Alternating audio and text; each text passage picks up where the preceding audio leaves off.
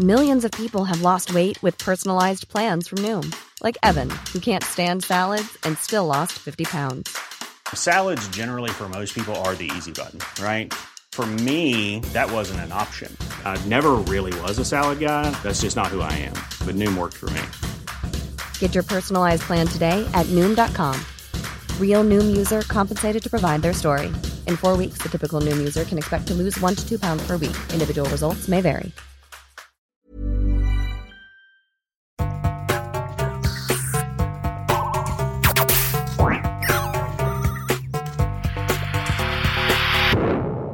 Velkommen til Sinnsyn.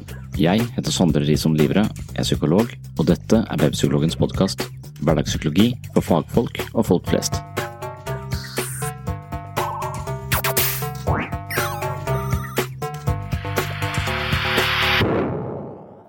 I dagens episode snakker jeg med Jan Terje Einarsmo, som er enhetsleder for miljøterapeutiske tjenester i Mandal. Vi kommer innom flere temaer i løpet av en drøy time. Vi snakker om hva som kjennetegner en god hjelper, mental styrke, selvinnsikt i hjelperollen, gode miljøer versus destruktive miljøer, og hva det vil si å være hjelpekåt. Som psykoterapeut har jeg jobbet som hjelper i snart 14 år. Jeg har møtt mange gode terapeuter og hjelpere, og jeg har møtt mange som har brent seg på sitt glødende engasjement for andre mennesker. Engasjement er bra, men man skal være litt påpasselig med måten man engasjerer seg på. Jeg mener at noen mennesker, eller ganske mange mennesker, har en form for empati som er feilslått. De bryr seg om andre mennesker på en så intens måte at det går utover dem selv, samtidig som de undergraver andres evne til å hjelpe seg selv.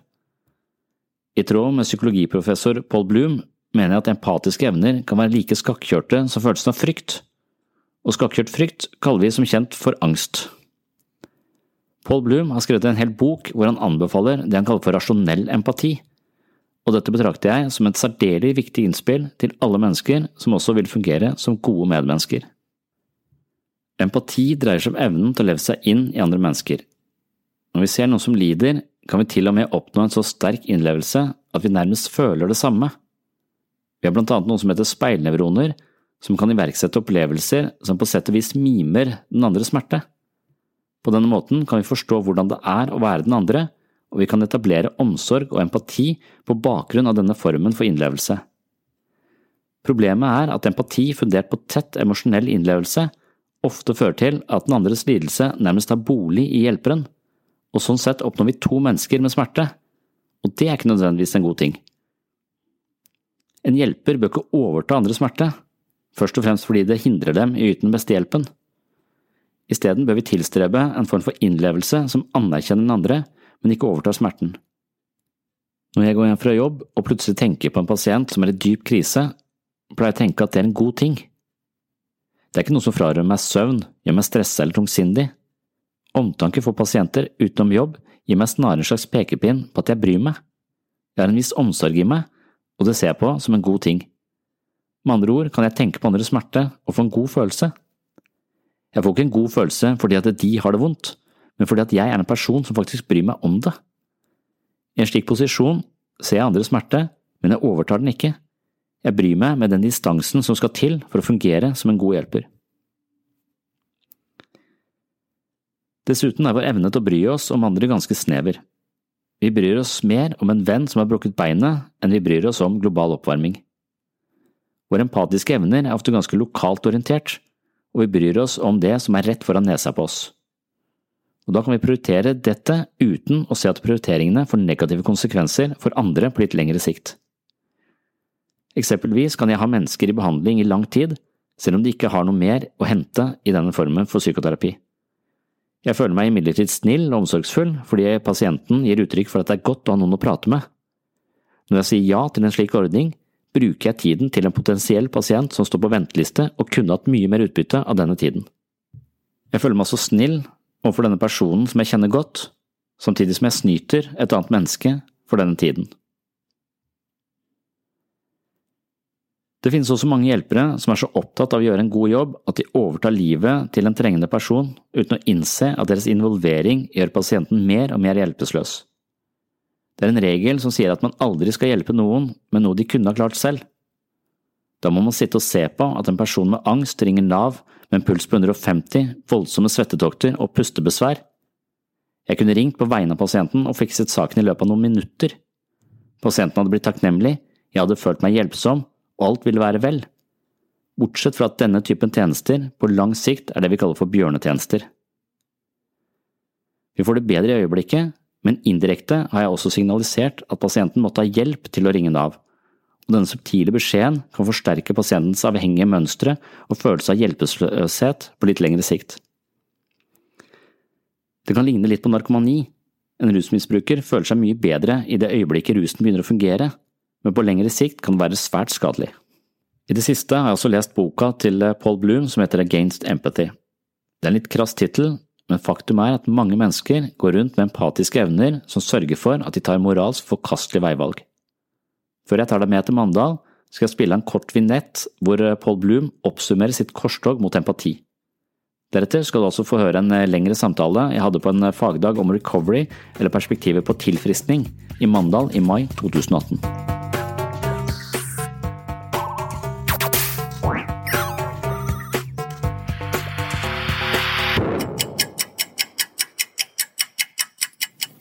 This is a sermon about empathy. A lot of people think empathy is essential to being a good person, to making wise moral decisions. I disagree. I think that if you look carefully about how empathy works, examining both laboratory studies and real world cases, you'll see that it has certain design features that make it a disastrous moral guide. First, it's biased. It's easier to feel empathy for people you're close to and who you like, but almost impossible to feel it for those you fear or hate. And so decisions based on empathy tend to be bigoted and tribal. Second, it's enumerate. It zooms us in on individuals setting up a perverse moral mathematics where we care more about one than a hundred. Because of empathy, we get more upset about a little girl stuck in a well than about a global crisis such as climate change.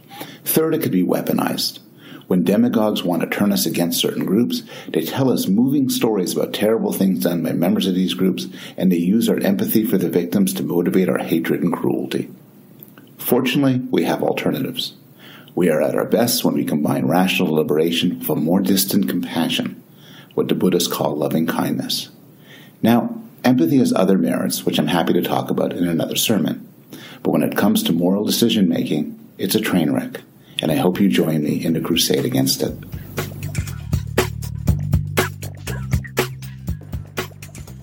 Jeg tenker når jeg ser disse fire eh, kvadrantene, som du kaller det, så vi er jo dyktige på det. Vi tenker jo hele mennesket, gjør vi ikke det?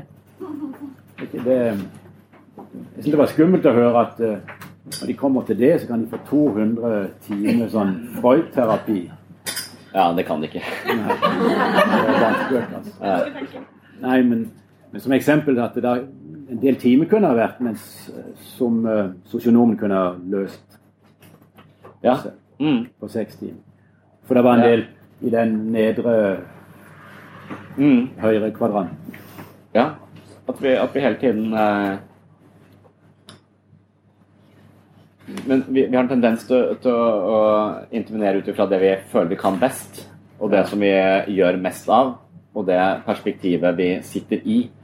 Og Vi kommer jo aldri ut av vårt eget perspektiv, men vi, men vi, vi kan i hvert fall være oppmerksom på at det finnes eh, at man er litt blind, og at problemet er en elefant. Eh, og når man da ikke kommer videre, når man stanger hodet i veggen istedenfor å tenke at jeg er dårlig eller jeg får det ikke til, eller, eh, eller han er umulig, han er uhelbredelig, så kan det være at vi heller bør løfte blikket og se eh, om det er noen intervensjoner vi kan gjøre i ulike kvadranter. Uh, og Det er sånn jeg ønsker å legge opp DPS Solvang der jeg jobber. Legge det opp sånn at jeg har tilgang på intervensjoner i hver kvadrant. Men det kan være veldig mye. Det kan være forskjellige ting. Eh, eh, så du, du kan øverst til høyre kan du ha medisiner. Det er jo en åpenbar en. Du kan ha en kostholdsgruppe. Eh, du kan ha trening. Du kan ha fysioterapi. Eh, det er, det er, det er som, som, går på det rent fysiske. Så kan du ha ulike former for psykoterapi øverst til venstre. Meditasjon ligger også dypest sett øverst til venstre. Det handler om å observere sitt eget indre liv eller seg selv. Å hvile som en observatør, ikke bare være på livets berg-og-dal-bane hele tiden. Og, så er det dette med flokkperspektivet eh, i ulike settinger. Eh, være en del av en flokk. Ja. Jeg tenkte bare litt på det du sa helt i begynnelsen. Det med at eh, du har din erfaring fra psykisk helse, og, og, at du ikke nødvendigvis kan så mye om psykisk utviklingshemmede. Ja. Eh, den hører en jo ofte at når en har en del av våre borgere som har utfordringer med psykisk helse, så får hun ofte svare at ja, men de kan ikke vi noe om, det er deres felt. Altså, Ja. men vi har jo alle en psykisk helse. Ja. Om du har noe annet i bunnen, om du har en hjertefeil i bunnen, eller om du har en utviklingshemming i bunnen, si, så er du jo ikke, du er Ja. ikke utviklingshemminga. Um, så jeg tror, det, jeg tror det er veldig viktig det du sier, det med at, eh, at det der er Det å se på det fra flere perspektiver, eller fra flere Ja. eh, At vi kan levere tverrfaglig Ja. til å kunne på en måte sende en Ja vel, nå har jeg gjort mitt, men da kan jeg Mm. kan du kanskje få en annen hjelp eller en videre hjelp fra en psykolog eller videre hjelp fra en psykiater. Altså, Ja. ja. ja. Og så er det jo det er jo tilfeller hvor, hvor noen intervensjoner ikke vil føre frem, da. Eh, fordi det ikke er eh, mulig å ta imot den typen eh, intervensjoner. Så, eh, så, så dette med prefrontal cortex, dette evnen til å på en måte monitorere hele den indre altså, det, Grovt sagt, og så se hvordan følelsene dine skyter i ulike retninger, og eventuelt funnet er det en følelse, er det en impuls jeg bør handle på, eller er en, impuls jeg bør dempe og vente litt og se om det er noen andre. Så Jeg har vært sånn opptatt av fri vilje, og jeg mener vi ikke har noen fri vilje, men det kan være vi har denne Det dukker opp impulser, det dukker opp tanker, og så kan vi kanskje velge om vi skal handle på det eller ikke. Og noen vil jo si at terapi handler om å utvide det rommet mellom impulsen og handlingen, sånn at du kan putte mest mulig språk og forståelse inn her sånn, sånn at du gjør best mulig handlinger ut ifra den situasjonen du er i. Og det er sånn prefrontal uh, greie, eh, ikke bare det, men det, det kan handle mye om det. Og det å da styrke den muskelen kan gjøre at du i noen situasjoner tar litt bedre, eh, bedre avgjørelser, eller eh, regulerer deg selv litt bedre. Når man ser på hvilke muligheter har vi for, for det, da, og, og når vi driver i, gruppe, i psykoterapi, altså psykologen driver psykoterapi, så er det først og fremst det, øh, den, den metakognitive evne jeg tror vi trener opp. Vi, vi, vi forstår vårt eget eh, indre liv og trener denne, denne muskelen. Eh, men så, så finnes det også, tror jeg, eh, typer eh, Kanskje det grovt sett finnes to typer psykiske lidelser. Du har de som er for impulsive. Eh, kaoslidelse, eh, på en måte. Og så har du de som tenker for mye. Altså, og, og som har og, og som, stedet, som aldri føler noe. For hver gang de føler noe, så på en måte analyserer de følelsene i hjel. Ved, ved, å bare tenke det kan sånn, det kan sånn. Så de er fanget i en litt sånn tørr, følelsesløs, eh, kontemplerende verden. Hvor de tenker og tenker og tenker. Og tenker. Uh, og noen ganger så kan man nesten forstå schizofreni på den, uh, på den måten. Eller i hvert fall noen som har foreslått at uh, de schizofrene menneskene som vi av og til ser på som hjernedøde, nærmest. altså De bare står helt stille. En kataton schizofreni som bare står helt stille og stabber i den samme, samme stillingen i timevis.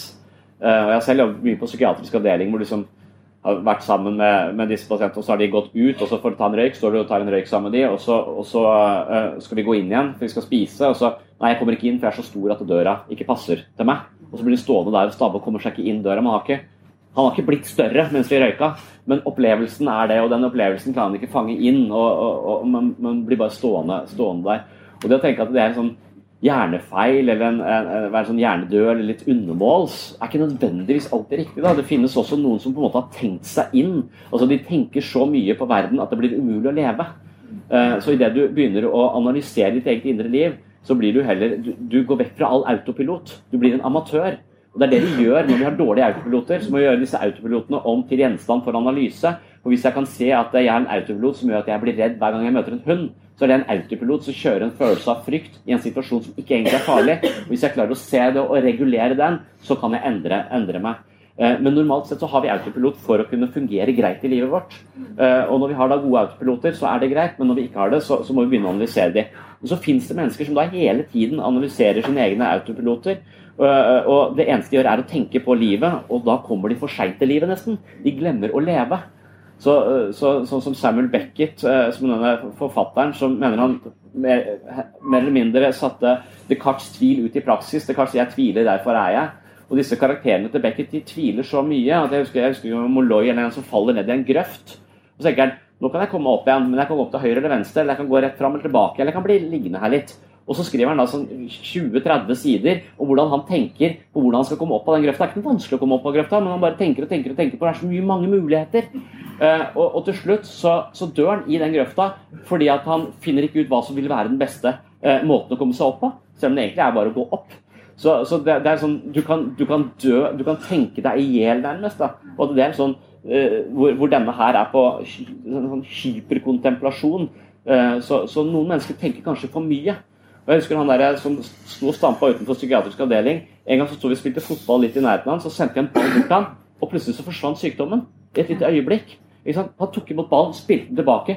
Oi, du er jo et menneske. Du, det, det, var en automatikk. Han var tidligere fotballspiller. Det var en automatikk i han som gjorde at der var jeg tilbake til livet. Jeg får sluttet å bare tenke. Jeg var et automatisk til stede i denne eh, i, i denne eh, ballspillet, på en måte. Så så, men da, da, kommer det an på Når vi krever i psykoterapi, så kreves det jo litt av disse metakognitive evnene våre. At vi klarer å løfte ting opp fra symptom og impuls til innsikt. Og vi klarer å regulere impulsene.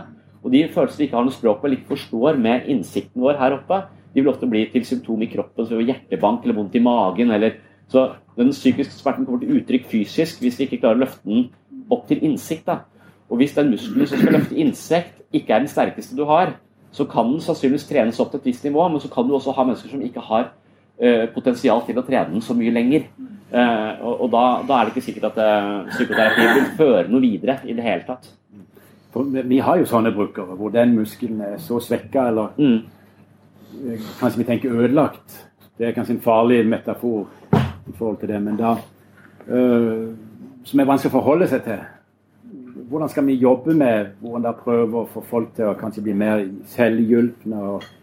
Men uh, de oppfører seg på en sånn måte at de på en måte, denne frontallappen ikke fungerer. Det er ikke noe bremse, de skjeller ut slike ting. Kan jeg bare si en ting? Vi sliter litt med å høre, eller jeg i hvert fall. Oh, ja. Ja. Vi konsentrerer oss veldig om å høre nå. Det både handler om å Slå av den der. Slå av den siden. Men det er en idé. så slå ut på den istedenfor den, kanskje.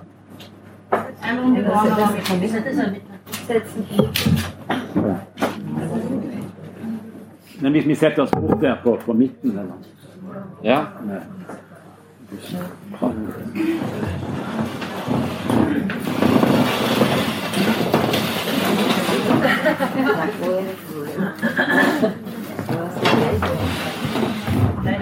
Det er veldig tungt. Jeg tror vi må dra det. Ja. Kult. Kan du si litt mer om denne autopiloten? Var det sånn 95 som var på autopilot, og resten er liksom autopilot? Ja. Eh, det var veldig liten prosent som ikke var det, tenker jeg. Hva er det kan ja. på det som er på autopilot? Kan du få ned den prosenten? Eller skal det være sånn? Ja, det, det, det, skal til en viss grad være sånn. For at I løpet av en dag så må du ta så ekstremt mange avgjørelser. Og hvis det skal foregå via bevisstheten din, eh, så tar det for lang tid. da. Så vi har autopilotene for overlevelse. Så hvis du ligger ute på veien her og det er et vogntog i, på 30 tonn i 80 km i din kjørebane, så skal du ikke begynne å reflektere over hva du skal gjøre. Du skal bare handle.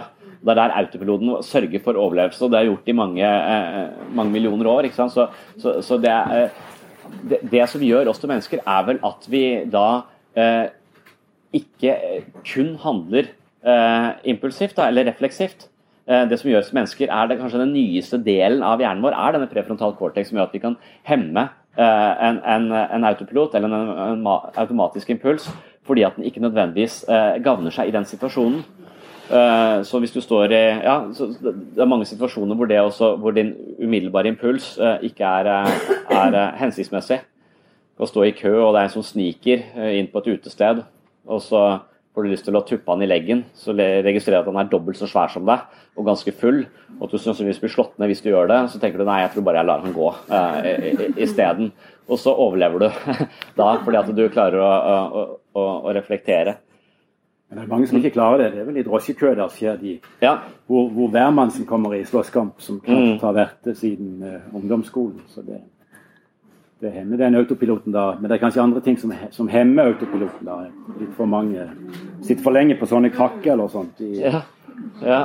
Det, det, ja er, du, kan, du, kan, også Det å gå på uh, autopilot er også det å bare leve livet. Uh, uh, på sett og vis. Da. Så Det er jo de autopilotene som ikke tjener oss vel. Du kan si at et dårlig autopilot er psykisk lidelse. på en måte. Da. Og alle har dårlige autopiloter. Det er derfor vi alle sammen er helt like. Så vi har i visse situasjoner autopiloter som ikke funker uh, så bra. Og det å være interessert i de, for så å reprogrammere de, er det, det, er i toppen av Maslows behovshierarki, egentlig. Altså, Maslow sier at eh, de, de, selvrealiserte menneskene er interessert i sitt eget forsvar, sier han. Eller de er interessert i sitt eget psykiske liv. De er interessert i ø, bakgrunnen for hvor, hvorfor de gjør det de gjør. Ø, for å på en måte avsløre automatikk som ikke er god nok. Så de, hele tiden, de har hele tiden en introspektiv interesse. Uh, Istedenfor å bare fungere på autopilot. For det bare fungere på autopilot kan gjøre at vi på et eller annet tidspunkt altså vi glemmer å, å, tenke innover og er ikke opptatt av at det er en maskin som faktisk produserer opplevelser. Så vi bør ha et øye for det. Men hvis vi bare har et øye for det, så kan vi bli kjempeusikre. Så det å være bevisst sin egen autopilot er å være litt amatør i eget liv i en periode. Så det å få det, det å utvikle seg psykologisk sett vil være å gå gjennom en periode hvor du blir litt amatør, for du kan ikke ta noe for gitt lenger. Du må vurdere nye situasjoner. Istedenfor bare ta det på strak arm, så må du vurdere det. Dette er en typisk situasjon hvor jeg eh, legger meg under den andre og føler meg litt dårlig etterpå fordi jeg finner meg i ting. Jeg sier ja når jeg mener nei. Eh, så du må være bevisst til stede i de avgjørelsene som normalt sett du bare f.eks. legger deg litt under og ja, sier ja når du mener nei. Så, så, så, det å Selvutvikling er ganske krevende fordi det krever at vi er bevisst i de situasjonene som vi tidligere bare gikk på, på automatikk. da. Så man kan nesten kalle Det det er noe som heter, Brødrene Dreyfus har sånn omvendt eh, læringshierarki, kalles det. så at det, De sier at det, profesjonelle mennesker de kan ikke forklare hvorfor de gjør det de gjør, de bare gjør det. Mens amatører de, de kan forklare det, for de forholder seg til en oppskrift, en, en, en regelbok. Og du kan tenke, hvis du, hvis du begynner La oss si du har sykla hele livet, og du plutselig begynner å tenke på hva var reglene for sykling. Hvordan var det å holde på balansen igjen med å ta høyrebein og venstrebein? Hvis du begynner å gjøre syklingsskriptet ditt, som er på ubevisst for deg, du bare sykler sannsynligvis og tenker på noe annet, så, så, hvis du begynner å gjøre syklinga bevisst til gjenstand for analyse, så vil du miste balansen, du vil vakle, du vil bli dårligere på å sykle. Så det er noe som bare skal foregå på autopilot. da. Eh, og det er en del ting som må foregå på autopilot, f.eks. å sovne. Eh, så de som tenker for mye, de har problemer med å sovne. De kan miste søvnen. ikke sant? For dette sovne er ikke noe du kan tenke deg inn i. Eh, sovne må du bare gi slipp. Eh, på en måte. Ha sex er en annen ting som du ikke kan tenke deg inn i. Det er også en måte å bare, bare gi slipp på. Så, så, det er helt i denne balansen mellom å være interessert i sitt indre liv og være litt sånn introspektiv og litt detektiv i disse autopilotene, men også bare gi litt slipp og bare leve, bare være. Og Det er nok da vi har det best, når vi bare er. altså Mihai har vil kalle det flyt. Uh, at vi bare er oppslukt i det vi gjør, og tiden står stille. på en måte. Det er da vi er på vårt beste. Uh, og, og, og, men hvis vi er veldig usikre på oss selv, så er vi hele tiden sånn tvilende og, og tenkende og, og, så videre, og da blir vi litt amatør i eget liv. da. Men når vi skal endre dette, da, Sondre, det, det, tar jo lang tid. Det er jo ikke noe gjort i en håndvending. Vel, gidder vi, orker vi det? Og hvordan stå ut den endringa? Ja, ja gidder vi og orker det? Altså, en av mine største problemer er at jeg er redd for å dø.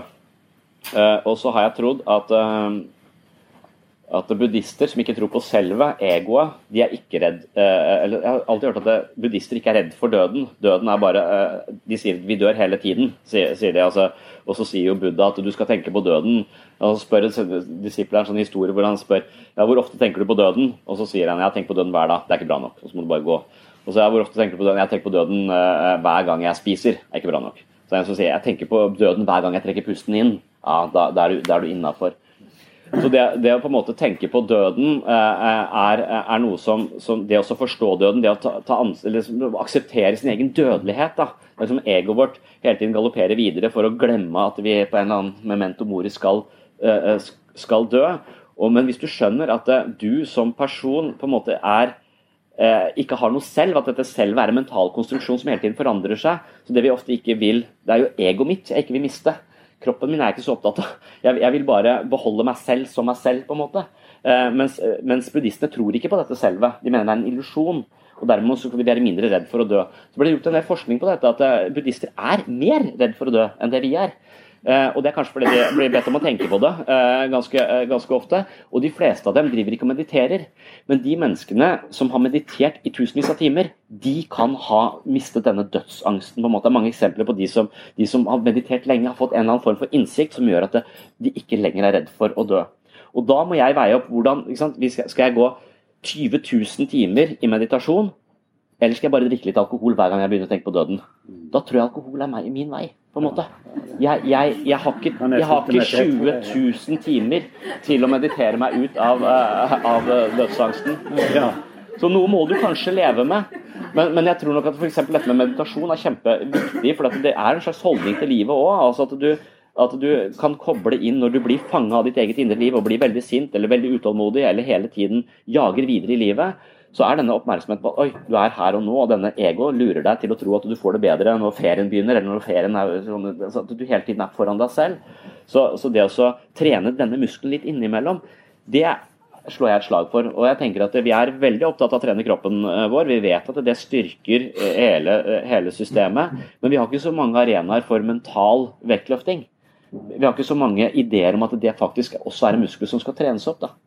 Vi tenkte jo tidligere at det kanskje var en statisk størrelse som, som, liksom bare er sånn som den er.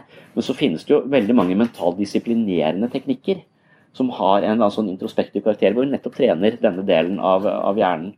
Og De som har meditert i to år og lenger, de har, uh, man har sett på, på sånne skanninger at de har, har opp mot dobbelt så stor massetetthet i den delen av hjernen som koordinerer sanseinntrykk.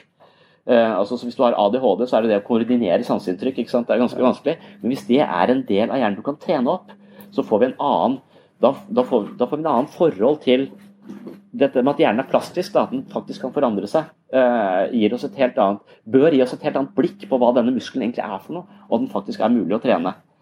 Men det fins selvfølgelig tilstander som du ikke har muligheten for å trene opp. Altså, akkurat som kroppen kan bli lam, og det er ikke sikkert du kan klare å trene den opp. Uh, men, men, det fins også tilstander som noen med viten og vilje, med mer viljestyrke enn andre, klarer å trene opp mot alle odds, på en måte. Så så, men der er dere best, altså på, på, disse mer eller mindre medfødte ja, i habilitering og rehabiliteringsfeltet. Eh, hvilke muligheter og potensial som ligger der sånn for, eh, for opptrening. Ja, for Det er jo noen her som Skal vi bare gi opp, eller, eller, skal vi gjøre et nytt forsøk? Og hvor lenge skal en på en måte holde på når en ser at det blir lite framgang? Altså Det er kanskje et annet element at jeg som leder sier at når man har ikke bruker for mye penger, må man ikke, altså, ikke leie inn ekstra vakt for å kjøre et, et, et, et kortsiktig prosjekt på to mm. måneder. Så, ja. Selv om det kanskje kunne ha hjulpet. For det er litt ut etter hvor altså, ja, Det er det jeg sitter og vurderer hele tiden, er kost-nytte-perspektivet. Ja. Altså, I og med at vi har så mange lange ventelister, så mange mennesker som trenger hjelp, så er det ikke nødvendigvis de som er da, da, vil jeg si at vi bør bruke ressursene der hvor de fungerer best. Eh, og, og, det, og, det, er en vanskelig vurdering å ta, men det er en vurdering vi må ta. Og det vil aldri bli en objektiv vurdering, det vil alltid bli skjønn. For dette, det er subjektive faktorer der, eh, det, det er snakk om. Så, så, det er alltid en vanskelig, en vanskelig vurdering å, å gjøre. Men, men, for meg så er det For, for meg, hjelpere som sitter her, hjelpere har eh, Vi kan ha vi kan ha litt sånn skakkjørte fryktresponser, det kaller vi angst. Du er redd for ting som ikke er farlig. Mens hjelpere har ofte også en skakkjørt empati, eh, mener jeg. Så Det er en som heter Paul Bloom som har skrevet 'Against Empathy', altså en bok som, heter, som er mot uh, 'Against Empathy'. Det høres ut som han er en uh, for psykopati og mot medmenneskelighet, men han, han mener at uh, empati er også en følelse som kan være like skakkjørt som, um, som ja, som fryktmekanismene våre, da, eller følelsene våre. Eh, så at vi kan ha feilkoblinger, feilautopiloter, når det gjelder empati. Eh, og han slår et slag for det han kaller rasjonell empati. ikke sant? Så, så i det jeg sitter, Og empatien vår er ofte veldig sånn begrensa. Sånn, når jeg sitter med et menneske som jeg har på en måte lært å like, og som har hatt mye med meg å gjøre, men som likevel da kommer time etter time, og vi vet begge to at dette det, det, det gjør ingen stor forandring, men det er hyggelig. Og så er det veldig vanskelig å avvise dette mennesket. Men hvis jeg ikke gjør det, så, så frarøver jeg et annet menneske muligheten til å bli mye bedre i den samme plassen. Så jeg bør heve det empatiske perspektivet mitt, men det er veldig tett knytta til den, det mennesket jeg står overfor. Så det, Jeg tror nok veldig mange i poliklinikken eller som jobber hos oss, har problemer med å avslutte folk. Mm. Fordi at det føles som en avvisning, og det føles ut som en eh, så, og, og, dermed så, så, har de veldig sånn hjerte for den personen de kjenner. Men idet de da bruker tid på det, så bruker de også så, så frarøver de masse mennesker muligheten for å få det bedre. Uh, og den, den, måten å tenke på og det, Folk spør meg tar du med deg jobben hjem. Uh, og er det men, men, det gjør jeg ikke, altså. For jeg tror jeg har ganske godt utrusta med en mer eller mindre rasjonell empati. Så når jeg kjenner at jeg føler veldig med et annet menneske som har det jævlig, så blir jeg litt glad. Altså, jeg tenker at jøss, yes, jeg, Ja, men jeg har medfølelse. Jeg kjenner at jeg bryr meg om dette mennesket. Det hender at det dukker opp pasienter i hodet mitt på ettermiddagen eller både nå og da. Og jeg kan synes synd på det, jeg syns det er forferdelig for dem osv. Men det at de faktisk dukker opp i hodet mitt, gir meg en, bare en bekreftelse på at jeg, jeg bryr meg. Jeg mister ikke nattesøvnen av det. Jeg overtar ikke problemet. Og Den skakkjørte empatien overtar problemet, blir en, problemet, kommer for tett på det. Uh, og, og, og kverner ved å føler at det er min oppgave å løse den andres menneskets ubehagelige følelser. Det, det, det er det ikke. Jeg, jeg, blir av og til litt glad jeg, når, jeg, når, jeg, tenker på mennesker og tenker ja, jeg er faktisk en som, en som bryr meg. Så. Men er ikke det en del av utviklinga av faget? Har vi ikke når en har jobba en stund, vært der at en har tenkt at her har jeg gått for langt inn, her kom jeg for nær, eller her uh, gikk jeg for langt i empati. og Noen av oss har kanskje til og med møtt veggen fordi vi klarte mm. å sette disse grenser. Er det, for er det ikke noe av det du snakker om? Den, jo. Og, og, det er, eh, jeg, du, når jeg jobba på døgnpost, da, så er det veldig tydelig. Kan plukke, du kan plukke det ut med en gang. Du har alltid fem sykepleiere eller, eller psykologer eller på døgnpost som har, er ekstremt varme. De er veldig empatiske, og det er jo en god egenskap. De er, de er flotte mennesker, de er varme mennesker, og de fungerer som en magnet på de, på de pasientene som, som uh, trenger noen å støtte seg til. Uh, uh, og, og, det gir disse menneskene veldig mye. Men de, er, de, jobber i tre måneder, så er de sykemeldt i to måneder. Så jobber de i tre måneder, så er de sykemeldt i to måneder. Så, så, så, de brenner seg sjøl på en måte ut da, ved å komme for tett på. Og, og, og, det fungerer. Det gir personen en en, en, lettelse der og da, men, men, det er også av og til en måte å forsterke et avhengighetsbånd på. Altså, Idet du hjelper for mye, så frarøver du personen muligheten til å stå på egne bein. Så det å hjelpe mennesker handler om å skape autonomi og selvstendighet, og ikke en ny avhengighetsforhold. Uh, så, så, jeg tror at det, all hjelp handler om å støtte, respektere mennesker og romme de og, og på en måte bære de litt. Men det handler også om å bokse de nyrene. Og Noen er veldig flinke til å bære og romme mennesker, og da skaper de ofte en sånn gjensidig avhengighet her, som, som ikke nødvendigvis skaper noe forandring, men fungerer litt som en sobril. Det er bedre der og da. Og Det kan også komme opp på et nivå hvor du blir så trygg at du våger å gjøre noen forandringer. Det er det gode med det. Men hvis det bare blir det, så skjer det ikke noe. Det sementerer problemstillinga. Så man må også bokse folk litt i nyrene for at de skal klare å, å, å bevege seg. Og jeg er veldig god til å bokse folk i nyrene, veldig dårlig på å støtte folk. Derfor jobber jeg i gruppeterapi. Min koterapeut hun er veldig varm og omsorgsfull. Jeg er ikke det. For hjelp og hjelpeløshet henger jo veldig sammen. og det, den, hvordan, hvordan oppdager den grensa eller den streken når, når en går over den og blir, går over og bidra til hjelpeløshet? Altså, og så er det veldig galt å være på, for langt fra den grensa, hvis du kan bruke det bildet. Ja som en sånn midtlandvei, altså med to mm. grøfter hvor hjelp og hjelpeløshet blir. Ja. Og at det er nær midten skal være. Ja. Eh, hver gang du føler et annet menneske som belastende, så har du gått for langt. Så, eh, altså jeg hadde en veileder som hele tiden sa at liksom hele tiden hadde en sånn entusiasme for alle de nye menneskene han møtte. Og det har jeg prøvd å ta med meg. Hver gang jeg møter et nytt menneske, så er det et interessant møte. Det er, no, det er noe interessant ved alle mennesker. Uh, men hvis det, det, er min oppgave å forandre de, eller min, at det er min at, er, at jeg er programforplikta til å endre dette, dette, mennesket, og hvis det ikke endres, så er det jeg som uh, feiler. Da er jeg for tett, uh, for tett, på. Jeg må beholde en slags interesse og entusiasme uh, for, for, ting.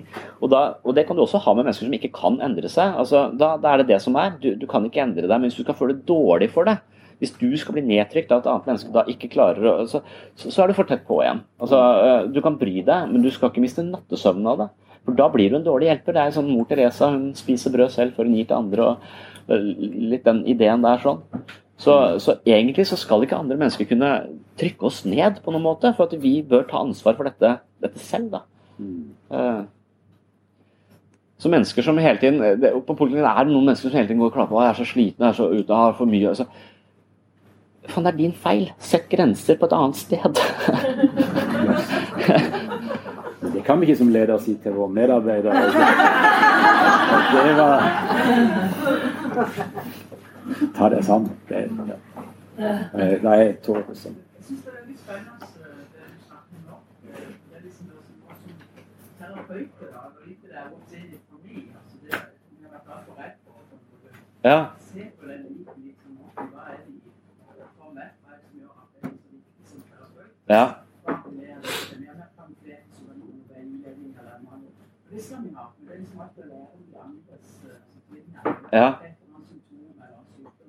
Ja.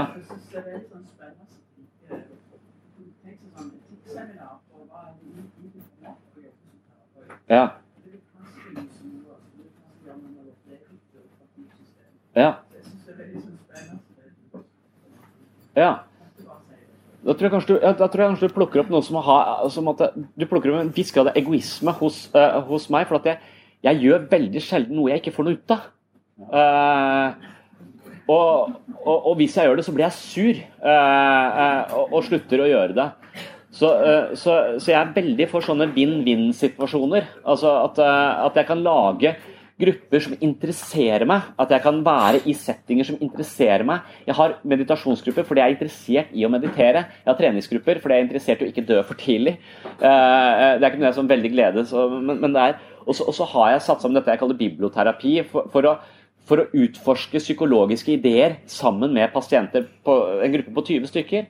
Og da, og da er jeg der, like, da er jeg der på lik fot som de. Altså, jeg er en idiot, jeg trenger å forandre meg. Uh, og, og, hva har litteraturen sagt om det?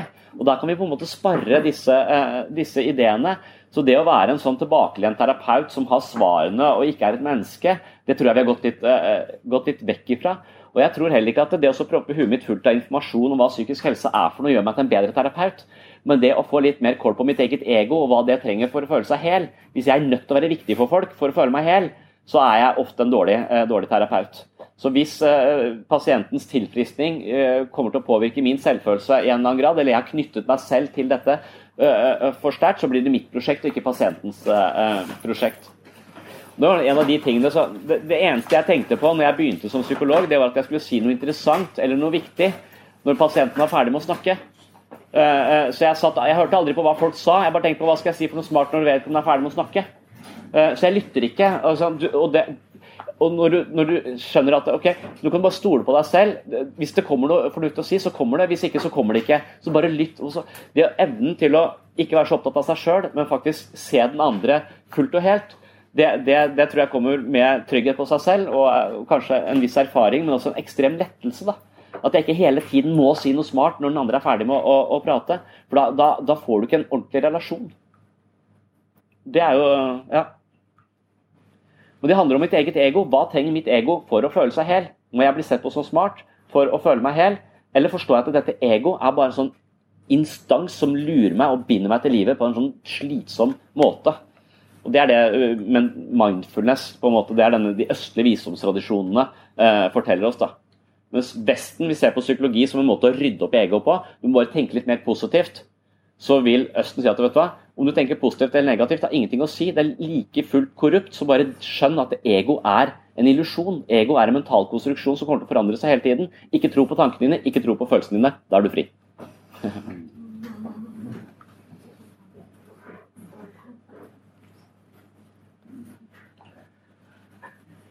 Jeg kan tenke litt tilbake til dette med hjelp og hjelpeløshet. Det er jo noen forskere som ikke jeg husker lenger, tyske tror jeg det er, som snakker om dette med hjelp og hjelp og hjelper.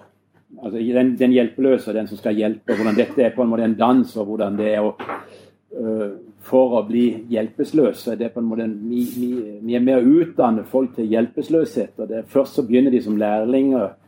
Og etter hvert som de har vært lenge nok i våre hender, så, så tar de uh, fagbrevet som Hjelpesløp, For vi har bidratt nærmest som en ligner med en dans som, uh, hvor det er egne trinn, og hvor vi som hjelper passer på at de, de danser, enten det er cha-cha-cha eller hva det måtte være, tango, for, for sånn dansing. For, ja.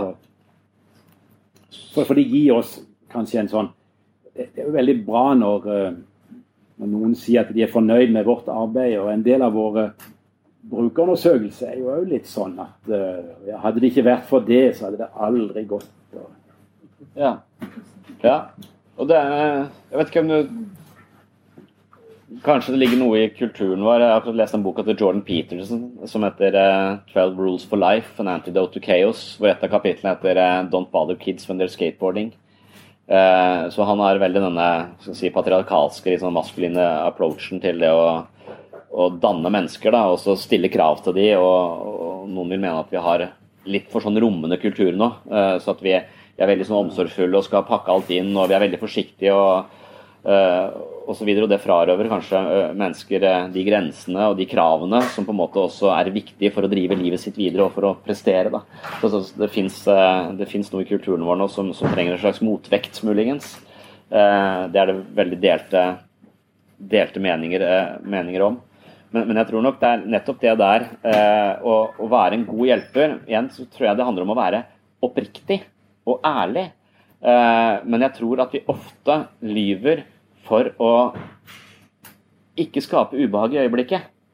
Uh, og jeg tror, det, det det, jeg tror de gode terapeutene er oppriktige. Og jeg tenker det er det som skiller meg fra privat til terapeut, er at jeg lyver mindre som terapeut.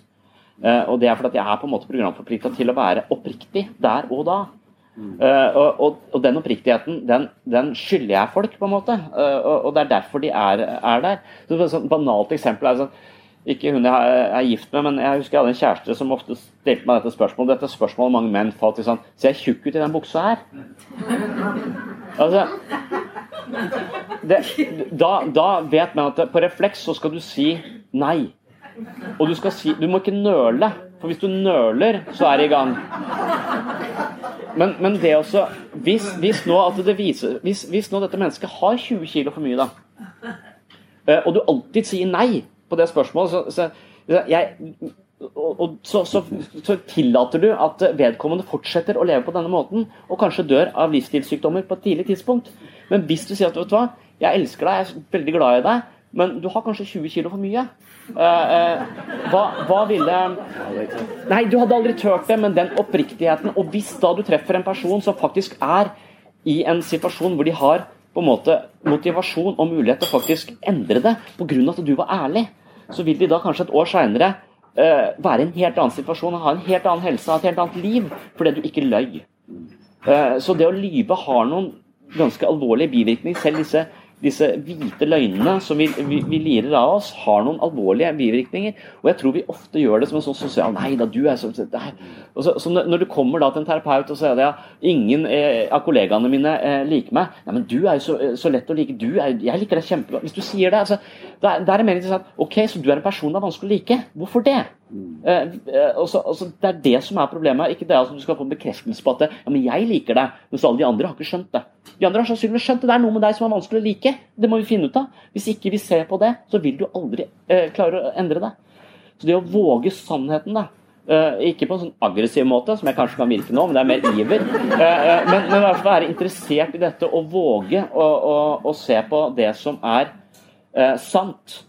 Uh, og, og, og, det er det Jung, uh, som er sånn dybdepsykolog, jeg har vært opptatt av, han sier at det mennesket Grunnen til at mennesket ikke er opplyste, er at vi snur ryggen til på en måte følelsesmessige fakta, eller vi orker ikke å lodde dybden i oss selv. Så vi går bare videre. Vi ser, vi ser aldri innover. Så sier han at et tre vokser ikke inn i himmelen med mindre det har røtter i helvete. Eh, så, så, det å på en måte erkjenne sine mørke eh, sider, ta ansvar for de, se de og integrere de, det er på en måte veien for å, for å, bli, eh, for å bli, hel. Da. Så, så vi, vi, må våge det som vi helst vil snu, snu ryggen til. Vi må, vi må våge å ja, Det er sånn terapeutisk sånn ordspråk, det er kanskje Jung det også, som sier at det, det du trenger mest, det finner du der du helst ikke vil leite. Ja. Uh, og det er, det er, der vi skal være modige. Men for å være modig der, så må du være følelsesmessig trygg på deg sjøl. Du må tåle dine egne følelser. Hvis du er redd for følelser, og den andre personen er redd for følelser, så driver man bare og fikler rundt i en sånn sosial samhandling som ikke kommer noen vei. Det blir en syklubb. Uh, og gruppeterapi fungerer ofte som en syklubb fordi mennesker ikke tør denne oppriktigheten vi trenger for å faktisk endre, uh, endre, endre livet vårt. Vi skal jo nå i gang med sånn kartleggingssystem som det gamle heter KOR, og nå heter det FIT feedback-informerte tjenester på, innenfor psykisk helse og rus. Det er jo sånne Jeg må hjelpe meg, Tor Ingunn og andre. Det er jo fire spørsmål som, eh, som da, etter en samtale hvor uh, bruker skal score eller si eller Var det noe vits i denne samtalen? Hjalp det? Var det ålreit å snakke med det? det? det? er ikke sånn spørsmålet er, men det, det måler vel noe av Da er vi jo inne på mm. Er jo den ærlig Da kan jo få tilbakemelding på at Nei, det funker ikke med det. Mm. Men, men, jeg vet ikke hvordan får du da det spørreskjemaet mens terapeuten står og ser på? Altså, ja, hva syns du? eller, eller hvordan, hvordan, administreres det? Så, så jeg er helt, helt enig i, i sånne Man kan godt prøve å lage sånne kontrollsystemer eh, som det. Jeg har ikke vært så veldig interessert i det selv. Jeg har bare, bare tenkt at eh, jeg må våge å være mest mulig oppriktig selv. Da. Og, og, og, det, det, å bli en god terapeut det handler for meg mer om å meditere og ikke være utålmodig. på en måte Se mine egne sider i det. Uh, og, og, våge å være ærlig mot andre mennesker på en sånn måte at det, for, fordi det de ser meg som ærlig, så får det jeg sier så mye mer tyngde. Hvis jeg pjatter Du merker det med en gang hvis noen bare snakker deg etter, eh, etter ryggen. Altså at det er et sosialt spill. Og Det sosiale spillet spiller vi hele tiden, og noen spiller det mer enn andre. Men det å være mer oppriktig Hvis du selv tar ansvar for å være mer oppriktig, så vil du ofte det smitte over til, eh, på den andre. Eh, så, så du, har, du, kan selv men, hvis du på en måte presenterer deg selv som en litt sånn Hvis den sosiale deg og den du egentlig føler deg som, er helt vidt forskjellige, så vil det å være, leve et liv føles som å stå på en scene og spille et skuespill. Eh, og, og, Du kan godt spille skuespillet godt, men det vil være kjempeslitsomt. Du vil ikke kunne hvile sammen med andre mennesker. Du vil ikke kunne være oppriktig. Jeg, husker, jeg tror det er Daniel Goldman som, som, skrev, ja, det det? som skrev om dette med hva kjennetegner de beste menneskene. Altså, de er gjennomsiktige. De er seg selv på tvers av ulike arenaer. De har på en måte Den de er sosialt, og den de egentlig er, det overlapper hverandre. De er ikke helt overlappet, men de, de er tett forbundet. Sånn at de kan på en måte være seg selv på tvers av ulike, ulike settinger. Og ikke føle seg programforplikta til å si det ene eller, eh, eller, det andre. Men det er klart at det er der det å være følelsesmessig vågal, det er det en terapeut trenger. Han trenger å være skikkelig følelsesmessig. Han tåler å forstå mange sterke, vanskelige følelser. Og, og det også å våge da sammen med et annet menneske å se på det. Man, man, kan ta denne parallellen hvis du er i dyreparken og ser på disse sjimpansene uh, som, som, bor der. så uh, Aper er uh, livredd for slanger uansett. altså Du kan kaste inn en plastikkslange, og de vil være redd for den. De vil trekke unna. Slanger er det verste de vet. men hvis du kaster en plastikkslange inn der, så vil de vike unna, men de vil aldri ta blikket vekk fra den. Eh, de vil alltid se på den. for De vil alltid filme, de skal, de skal ha kontakt med den slangen hele tiden. De skal se på den. for Hvis de snur ryggen til, så vet de at den kan komme bak deg og bite deg og forgifte deg. Og Sånn kan man kanskje tenke litt om følelser og psykiske og vårt indre liv også. Idet vi snur ryggen til og ikke ser på det som er vanskelig, så blir vi forgifta. Vi må se mer. Og Det er ofte det folk kommer til meg og tenker at nå skal det bli mye bedre. Men nå skal det bli mye jævligere. Nå skal vi se mm. på de tingene vi har brukt et helt liv på å unngå. Eh, eh, for å ikke løpe fra oss selv eh, videre. Og Da bør du ikke som psykolog ha så innmari mye utdannelse og kunnskap. Du bør bare være emosjonelt i balanse og tøff sjøl. og hvordan man blir det, er, det er egentlig en dannelsesreise i seg selv. Og jeg tenker at jeg får mer ut av å meditere enn å lese fagbøker. For det gjør meg følelsesmessig tøffere. Du kan ikke skremme bort dine pasienter da? eller? Jo. Kan ikke vi eh, som vi skal omgås og vi har faste stillinger og vi skal treffe Per og Pål og Kari ja. altså flere ganger i uka? Og... Ja. ja, du syns jeg virker skremmende? for, for det, er, det, er, jo en oppfattelse for, Ja, men, eh, som, som, regel så er jeg i konflikt med, med pasienter eh, i, i fire-fem uker. Eh, de hater meg en ganske god stund, og så til slutt så vi, lærer vi hverandre å kjenne på en annen måte. Vi får et relasjon som er kanskje enda dypere enn den vi har til venner. Og, og vi, vi, forstår hverandre. Jeg har beveget meg, den andre har beveget seg. Og hvis dette fungerer, så, så har vi gjort ganske gode fremskritt i terapi. Innimellom så funker det ikke, og de bare avslutter. og og så skriver de brev til fylkeslegen. Ja. Hvor mange har du i år? Nei, men Jeg har faktisk ikke så veldig mange. Altså, for, for det, det å være oppriktig det har en, har en, pris. Og hvis jeg er oppriktig på feil grunnlag, da, hvis jeg egentlig handler ut ifra en irritasjon, for jeg liker ikke dette, dette mennesket, så, så, er det det å kjenne igjen det. At vet du hva, nå er det dine egne ting som er på spill her. Nå skal du ikke være oppriktig, nå skal du vente litt. Det er å være profesjonell også. Jeg trenger ikke å lyve, men jeg trenger, tenke, jeg trenger, å avklare hvorfor jeg får denne følelsen for akkurat dette, uh, dette mennesket nå. Men hvordan er du sikker på at eh, Du snakket jo innledningsvis her at vi, vi, vi filtrerer gjennom fortida eller oppvekst og barndom. Mm.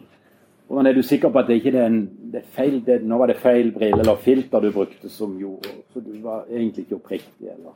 Ja, Nei, for jeg, jeg, tror altså, vi, vi, liker ikke dette postmoderne eh, paradigmet nå. for Når det ikke finnes noen sannheter, så får vi sånne gærninger som kan definere sannheten selv. og 78% av det Trump sa i valgkampen er faktuelt feil, uh, viser en sånn studie. Så at vi kan bare lyve så det renner av oss. Altså. Men, men, men, psykologi er faktisk en sånn typisk postmoderne disiplin. da. Vi kan ikke vite om, eh, om eh, vi, vi, Det eneste vi kan vite, er at vi, vi, ser verden fra et bestemt perspektiv og fra en virkelighetstunnel som er mer eller mindre trang. Mm. Eh, så vi må alltid ta det. Så, så, jeg kan aldri vite noe om et annet menneske, men jeg kan foreslå det. Så, så ideen er vel ikke at jeg skal fortelle noen hvem de er, men vi skal gi hverandre nye forståelser for hvordan vi kan oppleves og se oss selv utenfra. Og ingenting av dette vil være sant, men jo flere innfallsvinkler vi har til oss selv, jo lettere er det å kanskje eh, sjonglere ulike sider ved oss selv i møte med andre mennesker. Vi har flere hypoteser på hvordan vi kan fremstå, og flere hypoteser gir oss et større repertoar av mulige måter å være på. Eh, så, så, det handler ikke om å jeg, jeg, antar at det jeg opplever, er farget av meg selv. Eh, men kanskje noen er litt lik meg, så da vil det være farget på samme måte. Og, og jeg antar at måten de opplever meg på, også er farget av dem. Og jeg oppleves veldig forskjellig. Som på tirsdag så er jeg helt svart, og på torsdag så er jeg helt hvit. De folka på, på, torsdag de elsker meg, de folka på tirsdag de hater meg. Sånn er det akkurat nå. Eh, sånn var det ikke for en måned siden, og sånn er det ikke om en måned. Men akkurat nå er det sånn fordi jeg bærer veldig mye i denne, den ene gruppa. Og jeg, da blir jeg usikker på er jeg helt svart, er jeg så slem og farlig som disse menneskene skal ha meg til. Uh, og, og, og, men, de, men de kommer tilbake, da? De, de slutter ikke da? bare Uh, nei, når det slutter, så mislykkes jeg. Men det er ikke så ofte. Altså, jeg prøver å sørge for at vi kommer igjennom de, de fasene der. sånn, og Det å være uh, svartmalt uh, en stund og tåle å bære det, altså, det, det er ganske flott. På et eller annet tidspunkt så tror du på det. Du tror at du er en drittsekk. Så når jeg våkner, så tenker jeg er det tirsdag eller torsdag. Faen, det er tirsdag! Så, så da tenker jeg, da, og, men, men, jeg vet jo at jeg oppfattes helt annerledes, så jeg tror ikke jeg er så veldig forskjellig fra de gruppene. Men det er noen her sånn som har et behov for å ja, som ikke klarer å bære sin egen eh, irritasjon og, og legger det over, eh, over, på, over på meg. Og, så, og, Det er en del av det å kjenne igjen dette. Altså, Er dette meg, så må jeg gjøre noe med det. Og jeg reflekterer ok, er jeg for hard, er jeg for sånn? Og så, og så prøver jeg å gjøre noe med det, justere det litt. Og så vil jeg også tenke at men noe av det er ikke bare mitt, noe av det kommer fra den andre. Og Psykologer går alltid til eh, eh veiledere, i hvert fall de første fem åra de jobber, for å nettopp sortere disse tingene. Altså Hvis du føler deg veldig tung og utmattet etter en dag, da er det ikke sikkert at det, er dine følelser, men du kan ha på en måte adoptert dem. Og Dette er sånn som følelser fungerer litt. at vi, Følelser vi ikke tåler i oss selv, de legger vi over i andre mennesker. Og ak Akkurat nå så hadde jeg en, en dame som jeg trådte Jeg tror at jeg satt i en setting hvor jeg trådte over hennes grenser på, i en i en situasjon hvor ikke det var riktig. For det var en stor gruppe hvor vi ikke hadde den samme taushetsplikten. Men jeg, henvendte, jeg snakket med henne over bordet, og vi hadde en dialog om et spennende tema. Og så brukte jeg eksempler som hun følte var direkte mot henne, men som jeg mente mer generelt på det. Men jeg klarte nok å uttrykke meg på en måte som kunne truffet henne litt for mye. Og, og det, Da blir hun helt eh, vippa av pinnen. Hun sier ikke noe om det da, men 14 dager etterpå så viser det seg at hun har, hun har eh, vært helt i oppløsning i 14 dager. Og hun tenker at jeg er sint på henne, at hun er feil, eh, og at jeg kommer til å skrive henne ut fordi hun sier feil ting. For det har Vi har hatt en diskusjon. Sinne vet jeg ikke var i meg da, jeg har ikke, ikke sint på henne. Men når hun selv blir sint fordi jeg har trådt over, så hun tåler ikke sinne. Hun tåler ikke sitt eget sinne. Så hun opplever heller at jeg er sint på henne. Og det, det, Dette har Freud lært oss, at følelser vi ikke tar ansvar for selv, de kan vi plassere over i andre mennesker. Så når jeg våkner om morgenen og er sur, så er det alltid kona mi som er sur. Fordi jeg er ikke en sur person. Og når du da sier det til kona mi tre-fire ganger, så blir hun sur. Og da er jeg sur fordi hun er sur. Så på den måten så kan du faktisk frita deg selv for mange følelser. Og når du ser at hun har tenkt at jeg er sint på henne, det stemmer ikke. Men kan det hende at du er sint på meg? Det tør hun ikke. For jeg er i en posisjon overfor henne. Hun ser kanskje opp til meg på en eller annen måte. Hun er livredd for å være sint på meg, for hun er livredd for konsekvensene. Hun har opplevd at hvis hun er sint på andre mennesker, så blir hun frarøvet kjærlighet, hun får kjeft og blir stengt inn på et rom. Det er hennes liv. Nå er hun et voksen menneske, men likevel så tør hun ikke dette sinnet. Men det å da ta ansvar for dette sinnet og bruke sinnet som en drivkraft si at du, det der fant jeg meg ikke i. Når du sa det, så følte jeg at du trådte over grensene eh, mine, og så kunne jeg sagt unnskyld for det. Altså, når, du sier det, jeg er enig i det, jeg føler ikke det var mye, jeg føler er sånn helt innafor. Beklager, det skulle jeg tenkt på. Så, men, men isteden så fikk hun situasjonen til å virke som om at jeg egentlig Hun har gjort noe feil, hun er eh, helt gal, men jeg er også en tyrann, da, for jeg bestemmer hva folk skal si og ikke si. Og hvis de ikke gjør sånn som jeg sier, så skriver jeg det ut. Så hun har likevel gjort meg til en tyrann, selv om hun har ikke på en måte, Hun har ingen erkjennelse av at hun er sint på meg, på tyrannen og kanskje snakke med de andre i, i gruppa. Jeg så ja. da var, da var, mm. da var jeg, Ja, nei, akkurat, akkurat dette. Jeg tenkte på dialog. Det var ikke det jeg skulle si, men det er ikke så godt å komme til. Nei. Mm. Det, det jeg vil si, det var balansegangen om å være ufin og være ærlig. Ja. Jeg har et eksempel ut fra mm. erfaring. Ja. Jeg sang i et kor for to år siden. Ja. Og der var det ei som ikke var så veldig flink i norsk, Nei. som var med. Ja. Og vi skulle ha en framføring i kirka, og så skulle vi i- sto på sakristiet Ja. skulle framføre. Eller ha øvelse, da. Så gikk jeg ned i midtgangen da for å høre om det hørtes ut. Så sto hun veldig nærme mikrofonen. Og så sier jeg det at Nei, så sang de noe sammen, så kom hun opp igjen. Så spurte hun meg Ja, eh, hvordan var det? Ja, men du må kanskje øve litt på norsken, jeg. Hun forbanna meg i mange uker etterpå. Hun Ja. ble jo så sur som hun tok grine. Ja. Og da tenkte jeg det. Og Johanna, jeg fikk hele koret imot meg. Ja. Og det som skjedde, var det at det var bare en dag eller to så skulle vi fram til kirka. Jeg var mest helt alene. Og vent, jeg prøvde å få kontakt, og de så ned på meg. og Det var liksom Ja, men hun kom ikke. Nei. Så jeg ba jo så vondt inni meg lenge. Ja. Og så ringte jeg til henne dagen etterpå, så sier når så sier jeg Det var jo veldig dumt du ikke kom. sier. Men du spurte meg jo egentlig bare ærlig, og jeg svarte jo ærlig. Men beklager hvis du tok på vei. Nei, og så begynte hun å prate. Og så traff jeg henne da, noen dager etterpå. Og så ville hun bort og gi meg en klem. Ja, det er greit, det, sier jeg, men det ble jo i fjør. Det skapte mange høns. Så det at eh, jeg fikk hele turen mot meg. Og jeg var helt alene. Men så tenker jeg det gitt. Er det det at jeg var ufin, eller er jeg for å være ærlig? Det er det. ja. Du bør velge dine, dine kamper. Eh, Var jeg for impulsivt? Burde jeg tenkt meg om? Nei, men jeg, jeg er for en sånn situasjon. Jeg mener at du, du er et ganske godt utfall i denne situasjonen her, hvor det å være ærlig faktisk var det, var det beste. Altså, når folk spør direkte om din mening, så mener jeg man skal være så ærlig man kan. Man trenger ikke å si alt. Nei, nei, nei. Eh, Det, det, det gjør vi i gruppeterapi. Da sier vi alt vi, vi opplever, altså uten å få spørsmål om det. Men i livet for øvrig så bør vi ikke nødvendigvis si ting med mindre eh, vi blir spurt direkte. Men, hvis vi, men det er en del folk som spør direkte med bare eh, en, en slags de, de, de eneste de ønsker, er en bekreftelse på at de er gode nok. eh, Eller eh, Det det er egentlig ikke et spørsmål. Det er bare en eh, Kan du gi meg en bekreftelse, så jeg føler meg litt bedre? Eh, Kan du, kan du være en sobril for meg? Kan du, eh, kan du hjelpe meg til å ikke se på mine egne feil og mangler, eh, eh, sånn at jeg slipper å gjøre det eh, eh, nå i dag? Altså, Kan du være narkotika, eh, så jeg slipper å tenke så mye, eller alkohol? Eh, og, og da, Hvis du kjenner igjen en sånn situasjon, så, så kan du jo eventuelt tilfredsstille det behovet, men det vil være som om du har en venn som er rusmisbruker og spør om 500 kroner til mat, og så vet du at du Ja. kommer til å bruke det til, til rus, og du kan ta den lette utveien, bare gi den 500 kroner. Eller du kan si at du, du kan få mat hos meg, og så kan du, så kan du gå den vanskelige veien. Altså, Ja. så, så, jeg synes syns, jeg syns det, er, jeg vil, syns det er bra å være ærlig i den, eh, være oppriktig og, og ærlig den, eh, i, i den situasjonen. Altså. Men, men hvis alle var det, så hadde vi ikke hatt Idol på den måten. Liksom. Da, da hadde ikke vært For det er en del folk der som ikke har fått de tilbakemeldingene, og driter seg ut på, på nasjonal TV. Eh, Det det, som er vanskelig, for det er at eh, det er bare sånn at eh, folk er frastøtende. Sånn er det bare.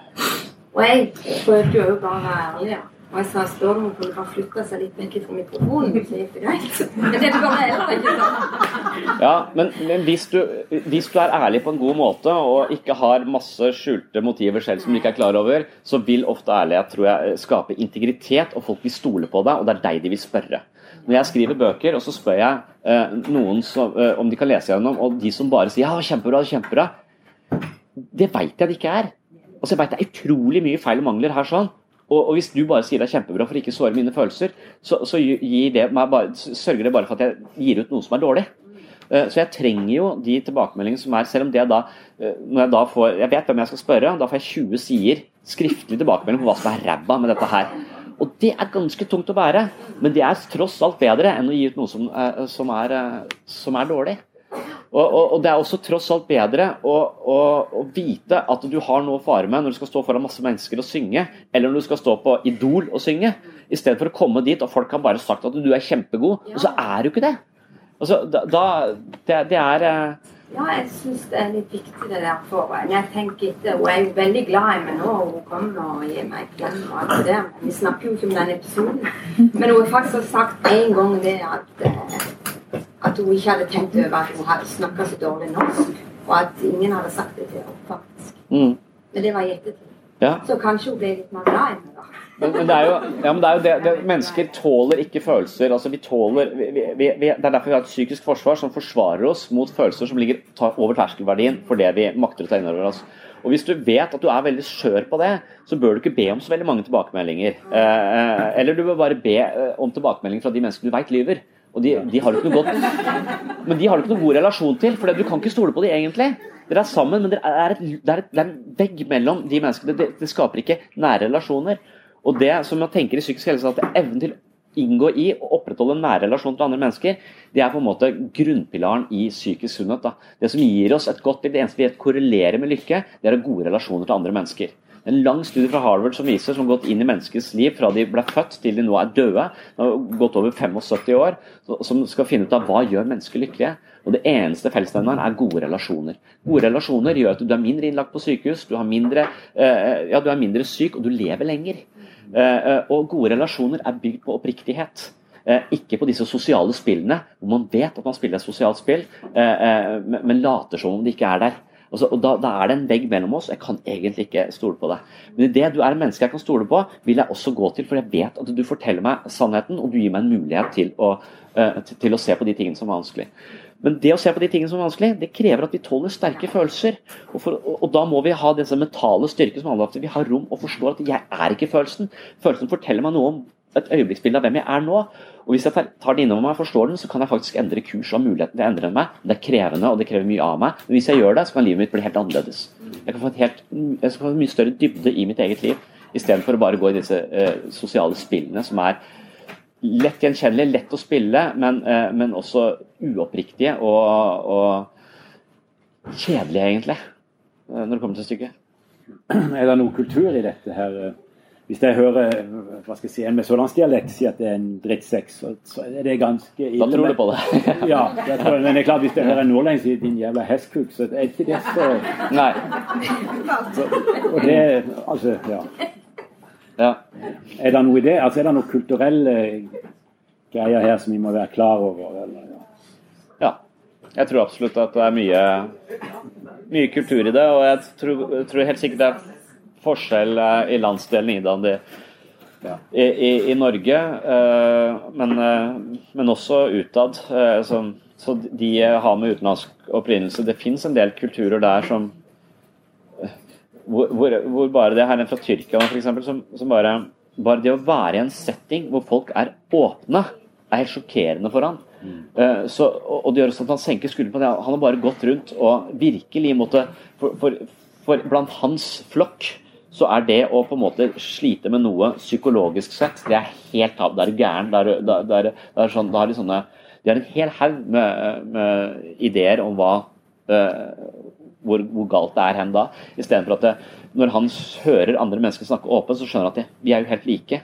Når du hører meg snakke, så tenker jeg er litt lik deg òg. Vi, vi, er like som mennesker. Og det, det, det, skaper en nærhet og en sånn fellesmenneskelighet som gjør at det, symptomene hans avtar dramatisk bare ved å høre et annet menneske være åpent. altså. Eh, så, så, noen har kjempetabu på dette her å si at noe eh, er i ubalanse på innsiden. Og det er kanskje min misjon som psykolog også, er å vise at jeg faktisk er helt lik alle andre, og at det er en del av det jeg gjør som terapeut, er også egentlig blottstille meg litt. og Ikke bare for min egen del, jeg ser at det skaper en sånn Der er vi helt like. Jeg syns det er dritvanskelig å ha tre barn. Eh, jeg føler meg elendig som pappa innimellom. Det å bare være helt lik alle andre, for det er vi. Eneste forskjell på meg og alle andre er at jeg vet hvordan jeg skal gjøre det. For jeg er liksom uh, underviser i utviklingspsykologi, så jeg veit hvordan jeg skal oppdra barn. Men klarer det ikke. Så, så Da er det bedre å ikke vite det og ikke klare det. Jeg veit hvordan jeg skal gjøre det, men klarer det ikke. ikke det, det, gjør meg bare litt dårligere, faktisk, uh, enn uh, en folk flest. Ja.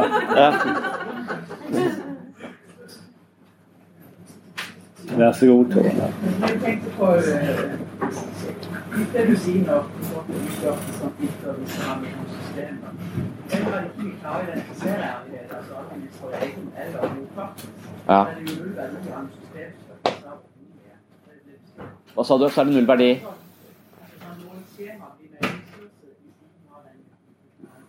Ja. Ja.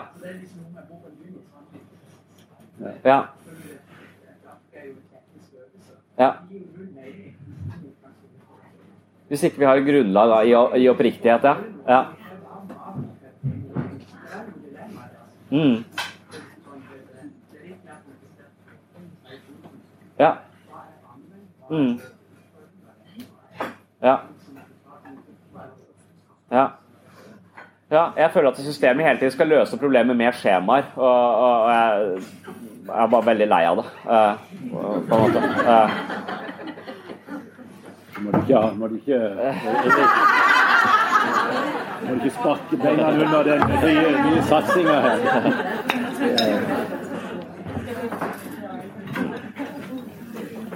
Jeg er jo, nesten programforplikta til å være litt tro på, på, til skjema. Jeg tenker en del skjema penser inn tankegangen rundt dette. og Jeg tror også disse skjemaene vil, vil leder deg mot at her må en være ærlig, og her må en bestrebe seg. Så ser jeg fort at det kan bli et spill her. At det bare Ja.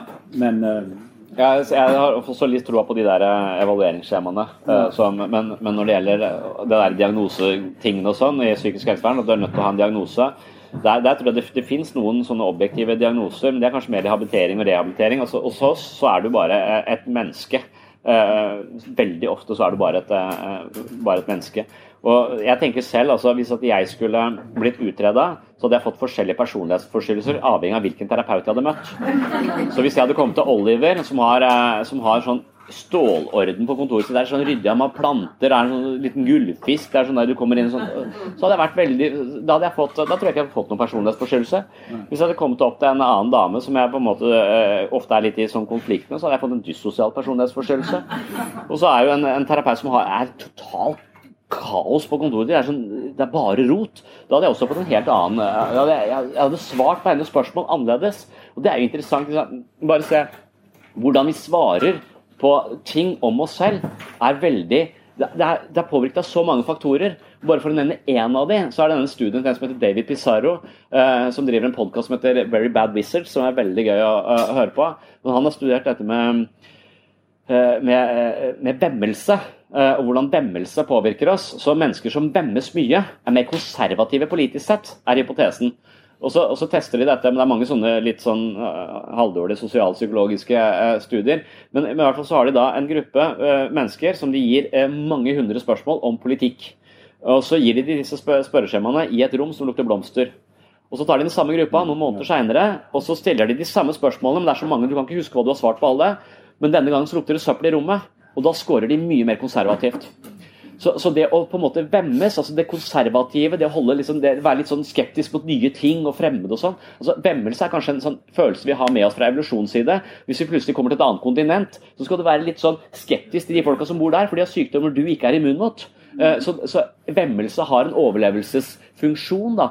Mens nå eh, er det bare fremmedfrykt. Og nå, nå er det ikke noe farlig lenger med, eh, med andre kulturer, men likevel så, så, gir det seg utslag i sånn ja, at vi vi er redde for nye kulturer, at det gir seg utslag i ulike sånne nasjonalistiske grupper osv. Men det da at mennesket scorer ved de er mer liberale politisk sett hvis det lukter godt, og så er de mer konservative hvis det lukter vondt. Bare tenk deg da hvordan kontoret til terapeuten ser ut. Dette er bare én av faktorene og så, som, som, spiller inn på hvordan vi svarer i en, gitt, i en gitt situasjon. Og Du kan nevne tusen av de, det er jo tusen av faktorer. Sånn, hvordan den andre ser ut, hva slags kjønn den har, hvor mye den veier. Alle disse vil påvirke hvordan jeg eh, utleverer informasjon om meg og svarer på, eh, eh, på, på, spørsmål. Og Det interessante er at hvis du spør disse menneskene du, hva har skjedd her, du svarer mye mer konservativt nå enn du gjorde forrige gang, så gir de en plausibel forklaring på hva som har endra seg. Jo, du skal høre her. For da har vi et narrativt selv som skal, for, som skal, gi oss en følelse av at de henger sammen og ikke vi er sånne vinglepettere. Så den lager en forklaring på hvorfor det er sånn, sånn ad hoc. Så dette narrativet selve, som liksom forteller og skaper sammenhenger i oss selv, det lager bare tilfeldige historier om, om, livet vårt. Og det er også en del av psykoterapi. er å se at det, vet Du hva, du er et narrativ selv som hele tiden snakker til deg om hvem du er, for at ting skal henge sammen. Men det er også ganske korrupt. De lager forklaringer som ikke nødvendigvis stemmer overens med, eh, med sånn du egentlig er. Så vær litt kritisk til denne narrative stemmen også. Det var først Bjørn og så var det bak ja.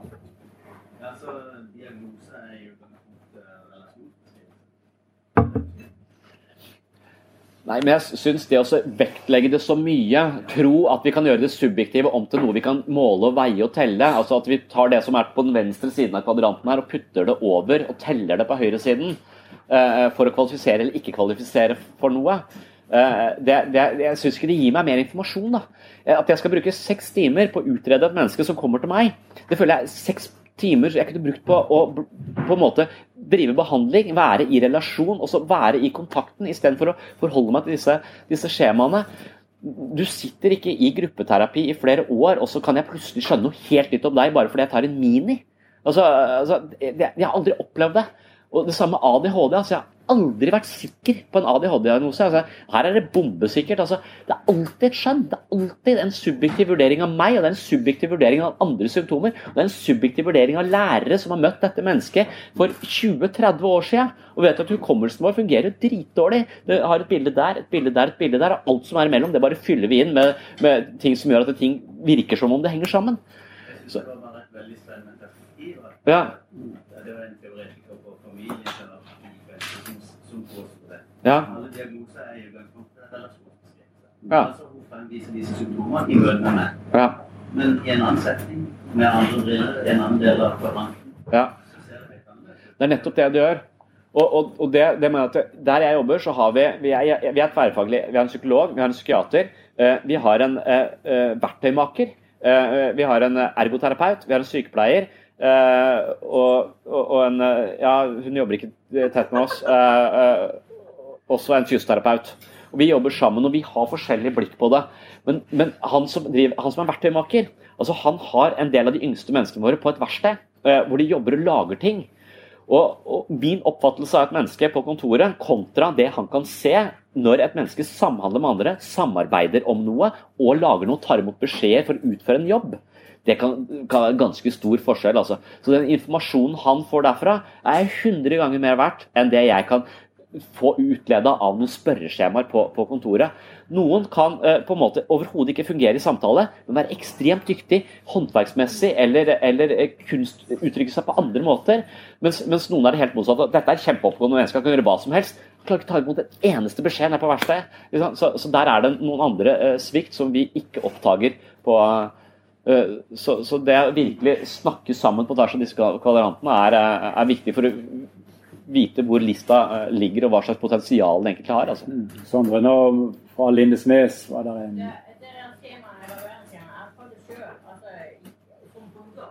Ja. Og da, det, det fungerer veldig greit, men det er, det er viktig at, eh, at den som er terapeut ikke eh, du, du må spørre liksom er, det, kan, er du klar for å snakke på neste time? Her ser du at jeg spurte dårlig her. Var det noe spesielt som skjedde da, eller har du lyst til å prate om det? Og hvis en da vil, så har du jo åpning til å kunne prate om det. Hvis ikke, så hvis jeg svarte nei da, så var det greit. Da lot vi det ligge. Og da, da fungerer det veldig greit. Hvis jeg da hadde gått og spurt eh, om 14 dager og ventet, nå skal de den ta opp dette med meg igjen. Hvordan skal jeg få dette til? Hvordan skal jeg, altså, hvordan skal jeg si det? Eller sånn. Det kan være ting jeg ikke hadde tørt å ta opp. Kanskje den terapeuten ga meg åpninger til å gjøre. Når jeg bare spør har du lyst til å prate om hvorfor det ble så dårlig skår på det. Og da, da, der kan du løse mye mange problemer du har med deg, sånn at du kan klare å si det. da. Istedenfor å gå time etter time etter time og irritere irritere irritere men du klarer å si det. Oppfatter jeg det riktig at det der sier at dette er en åpning for å Ja, ta opp Ja, det, eh, mm. Og da, da ser en terapeuten òg at eh, om vi fungerer greit sammen. og Ja. snakker sammen og... Det var jo ikke god- god tilbakemelding. Ja. Altså, da tok jeg terapeuten med at eh, hvis jeg sa at nei, jeg har ikke lyst til å snakke mer om det, så ble det ikke snakket akkurat det da. Nei.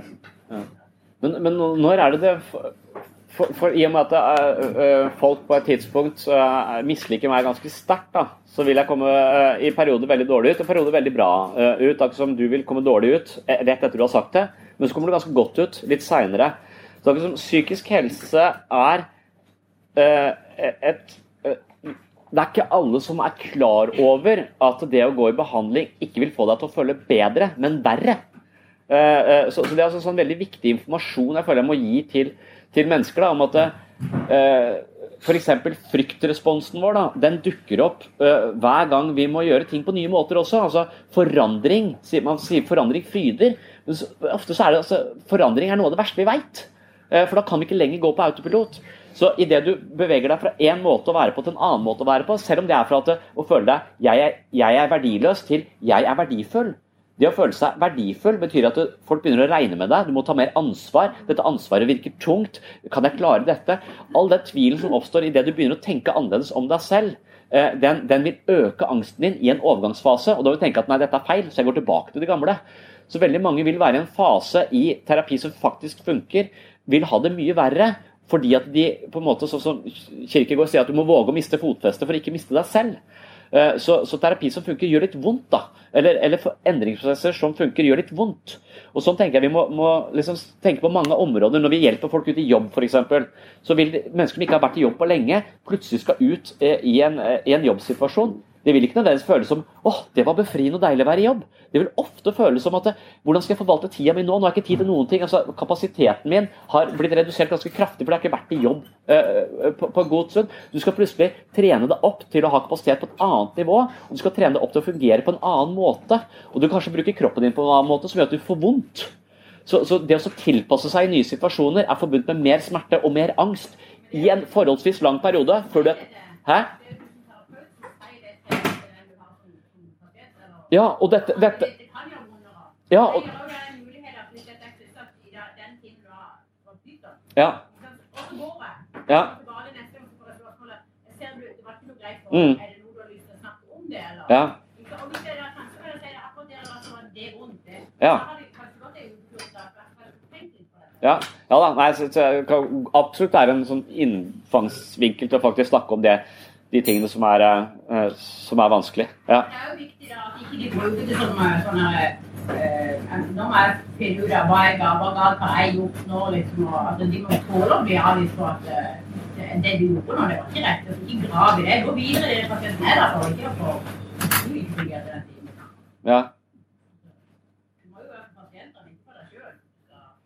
Jeg er opptatt av vinn-vinn-situasjoner, da, så jeg gidder ikke hvis det bare er meg. Hvis det bare er pasient.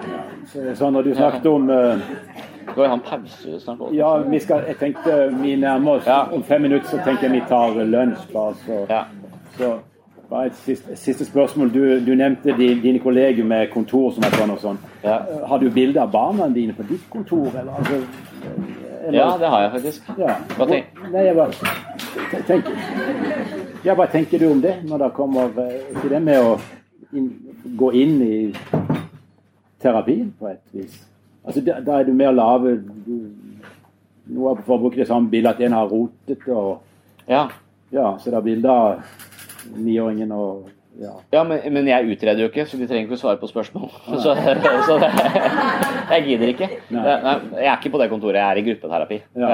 Så, så kan hende jeg hadde tenkt annerledes om hvis jeg hadde hatt pasienter på kontoret veldig mye. Ja. det har jeg ikke. Jeg har det bare én time og møter for å egentlig bare sjekke motivasjon. Er du villig, er du interessert i dette? Eller vil du egentlig bare ha en quick fix? Vil du egentlig bare ha det mye bedre? Eller er du villig til å investere i en litt lengre prosess for å, for å gå inn i dette? Og så snakker jeg det opp, så sier jeg at det er det beste i hele verden.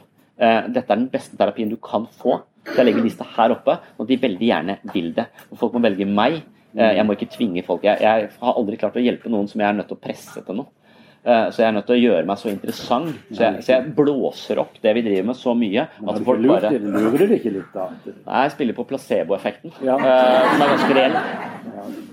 Ja, det den pleier å virke hvis det er veldig dyrt òg, hvis det er men det, det, Ja, ja, ja. ja nei, jeg, det er da rett til helsehjelp, så du får det på frikortet. frikortet. Får du frikort, Ja. Det var egenandel først, ja.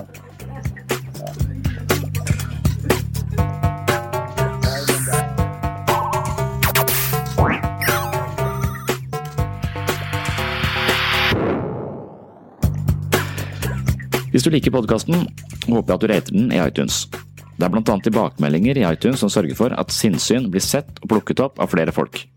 Målet vårt er å spre kunnskap og interesse for menneskets indre liv i et filosofisk eller psykologisk perspektiv til så mange som mulig.